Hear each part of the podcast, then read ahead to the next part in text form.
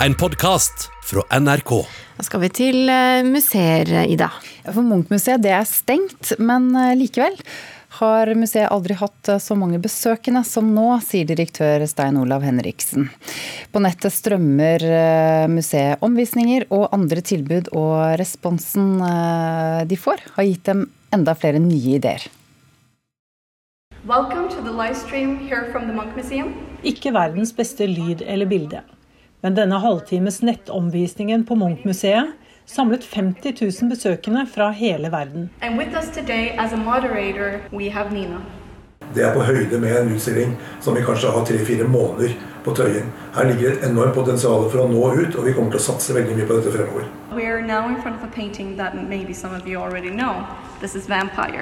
Kunstpublikum pleier ikke komme med utrop eller klemme på omviseren. Men på nett ble det masse likes, hjerter og begeistring. Å se maleriet 'Skrik' i en omvisning sammen med folk fra hele verden, syns mange var fantastisk. Vi ser jo det, at det er stor interesse for Edvard Munch overalt. Kanskje var det derfor museumsledelsen tenkte hva om folk er villige til å betale? Eh, ta et eksempel. Mange kinesere er veldig interessert i Edvard Munch. Hvis 10% av de legger igjen noen få kroner på en digital kunstopplevelse, sendt ut fra Munch-museet, så vil vi ha straks mer inntekter der enn vi har på billettluka gjennom hele året på Tøyen. Men er det noen som vil betale, selv så lite som en tier, for å se kunst på nett? Silje Sigurdsen jobber med å få folk til å betale for kunstopplevelser på nettstedet Kunst, og hun mener Henriksen har rett. Jeg tror han kan få dette til, men jeg tror Henriksen var villig til å lære hvordan man jobber digitalt, bygge opp et publikum som også er villig til å betale. Da kan han få det til. Og så tror jeg det er viktig at målet må være å skape engasjement og prøve å få folk inn i Munch-museet og besøke det fysisk. For det er uansett det som er den beste kunstopplevelsen. Vi vet ikke i dag helt eh, hvilket innhold det er mulig å ha inntekter på internasjonalt når det gjelder digitale opplevelser, men nå prøver vi ut veldig mye forskjellig. Vi ser at noe av det har stor interesse, eh, og noe mindre. Og jeg er helt sikker på at vi skal finne måter Eh, å gjøre dette på, som gjør at vi både kan skape interesse og kunnskap med Edvard Munch, og samtidig ha inntekter på det vi gjør. Reporter her var Elisabeth Grøndal. I studio nå så er kulturkommentator i NRK Agnes Moxnes. Aller først, hvordan reagerer du på ja, Munch-museets litt sånn optimisme i dette her? Altså Munch-museet har ligget i forkant digitalt. De har tenkt disse tankene tidligere, og så gjør de jo det de skal gjøre. De følger med på hva som skjer eh, akkurat nå, for å se hvilken retning de skal liksom eh, eh satse på eh, når det gjelder liksom den digitale løsningene. Da. Hvordan eh, står det til med satsingen ellers blant norske museer eh, for tida? Det er flere som har en digital satsing, eh, men nå er vi jo kommet i en situasjon hvor liksom den digitale satsingen blir satt på prøve. Og da er nok Munch-museet liksom et, et, hestehode foran de fleste. Men de har jo noen fordeler. altså Edvard Munch er superstjerne verden over. Eh, pengene, De har en del penger på boks, det er et ganske rikt museum. Og så drives det altså da eh, ganske foroverlent. Hvor viktig er det for kulturinstitusjoner å ha digitale utstillinger framover, tror du? Altså Nå er det jo en setning de fleste sier veldig ofte, og det er at verden kommer ikke til å se eh, lik ut når denne koronatiden er over. Eh, det som skjer nå, kommer til å bestemme hvordan verden ser ut i morgen.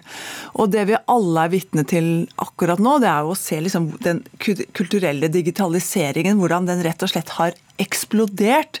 Og det har skjedd i retninger som vi ikke kunne ane for bare to-tre uker siden. Jeg anbefaler virkelig alle å gå inn, og det, mange har vel sett det, men KORK mm. eh, spille All by my, myself. Eh, det er, altså Den ligger jo på NRKs nettsider. Eh, der sitter alle musikerne hjemme hos seg selv. En sitter i badekar, et par stykker rusler rundt i pysjamas. Eh, men de spiller altså sammen. Eh, og dette orkesteret, som jo altså som alle andre klassiske orkestre, er vi jo liksom vant til å se som en sånn litt sånn ensartet gruppe kjempe liksom, Og veldig ordentlig. Ja, høytidelig, uniformelt, litt gjerne svartkledde og sånt noe. Og plutselig så består de altså av enkeltmennesker med særpreg. Og hver, samtidig som hver og en av dem er helt avhengige for, for helheten. Og den innspillingen og den tankegangen som ligger bak det KORK her har gjort, det ville jo aldri skjedd uten covid-19. Eh, og det er livsviktig, tenker jeg akkurat nå, at norske kulturinstitusjoner følger med i timen nå. Hvis vi går tilbake til museene, da. Eh, hva mister vi med digitale utstillinger? Er det like bra som å gå inn på museet og få kunstopplevelsen der? Det er veldig vanskelig å svare ja eller nei på det, men det er klart at det originale kunstverket, sånn som Skrik, det kommer jo dess flere som vet om det, dess mer stas blir det å se det den ene originalen. Eh, og det tror jeg altså Det er litt slik museene tenker nå.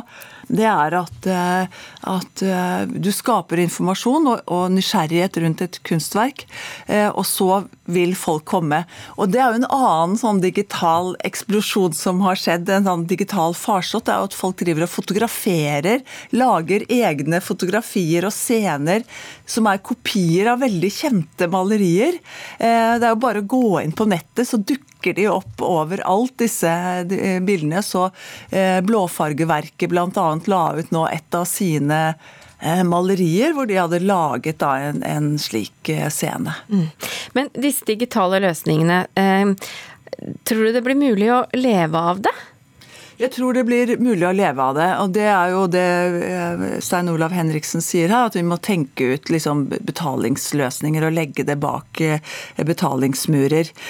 Men eh, altså, det er jo helt avhengig Det er jo helt avgjørende nå er jo hvordan de store nasjonale museene tenker om dette her, og hvordan de jobber nå når de har fått denne pausen. fordi alt er jo stengt. Og det signalet som har kommet fra kulturminister Abid Raja, har jo vært at museer og orkestre og teater, altså de offentlige institusjonene, eh, som ikke kan holde åpent, de permitter, kan permittere nå. Og det tror jeg er en generaltabbe, rett og slett. fordi at denne pausen den kan bli veldig, veldig lang eh, for de store møtestedene. Verden ser annerledes ut når de åpner. Og derfor så ville det være svært klokt å bruke denne tiden som man har nå, til å utvikle levedyktige og gode og fine digitale løsninger. Vi får se hva som skjer. Kulturkommentator i NRK, Agnes Moxnes. Mange nordmenn bare må lese krim i påsken. Litteraturkritiker Ola Hegdal, du har lest mange av årets krimbøker og kan hjelpe oss å velge. Hva syns du vi bør lese denne påsken? Du, I år så vil jeg foreslå at vi kikker på agentbøker. For det har kommet ei aldri så lita bølge med agentromaner i, i år. Ja, John Le Carré, han, det er vel sånn man sier det? Jeg har ikke lest han så mye. Jeg vet at han er en veteran i sjangeren spionbøker. Han er ute med en ny roman i år. 'En fri agent' heter den. Hva kan du si om akkurat den boken? Det her viser oss en Le Carré som, er, som holder seg godt. Mannen er 88 år i år, og han har nå oppjustert agentromanen til til et nytt fiendebilde. Nå er det ikke den kalde krigen lenger. Nå er det Putin, Trump og brexit som er, som er fienden. Og det her eh, handler om et vennskap som liksom oppstår på en badmintonbane mellom en ung og en gammel mann. Det går over i politiske samtaler over en øl. Den unge han har ganske kvasse karakteristikker av uh, samtida om Trump, Putin og, og brexit. Og den gamle ler litt overbærende av all denne ungdommelige entusiasmen, men, dypest sett så er han jo, jo, enig. Og Når den unge da vikler seg inn i et spill av spionasje, så må den gamle trå til med en liten redningsaksjon. Det var altså det er, ja. en fri agent, John Le Carré. Ja. Men du har, du har, du vil også trekke fram en annen britisk agentroman, er det sånn? Ja, det er en, en, ny kar som heter Mick Herron. Han har skrevet 'Sløve hester'. Og Den handler om en gjeng dysfunksjonelle etterretningsagenter som liksom er satt på tørkeloftet eller i stallen da, for å holde seg til, til hestemetaforen. Så blir en ung gutt kidnappa av islamister, eller muligens høyreekstreme. Og da svikter stjerneagentene i MI5 og reservelaget, altså de sløve hestene, de, de må liksom trå til. da.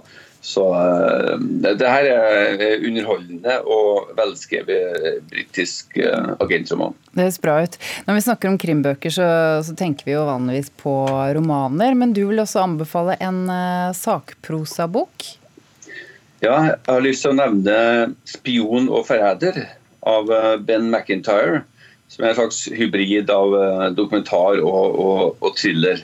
Det handler om Oleg eh, en, eh, en KGB-oberst som meldte seg som dobbeltagent for britisk etterretning under den kalde krigen. Og rent sånn, Apropos, han blir også verva på badmintonbanen. Akkurat som, som heltene til Le Carré. Akkurat. Så, ja. Men du, Hva med skandinavisk krim? Er det noen eh, du kan eh, anbefale av våre litt mer hjemlige forfattere? Eh, jeg har lyst til å trekke fram Håkan Nesser, som er en svensk krimveteran. Som i år har levert en av sine aller beste bøker, syns jeg. Han skriver, skriver liksom litt mer litterært enn de fleste av sine kollegaer. Og, men hang mot eksistensialisme og selvransakelse og en god dose humor. Svenske eh, Håkan Nesser. Ja. 'Halvmorderen' er, er tittelen på denne romanen. Takk skal du ha, litteraturkritiker Ola Hegdal. Disse anmeldelsene mm, og flere andre av årets nye krimbøker kan du lese på nrk.no anmeldelser.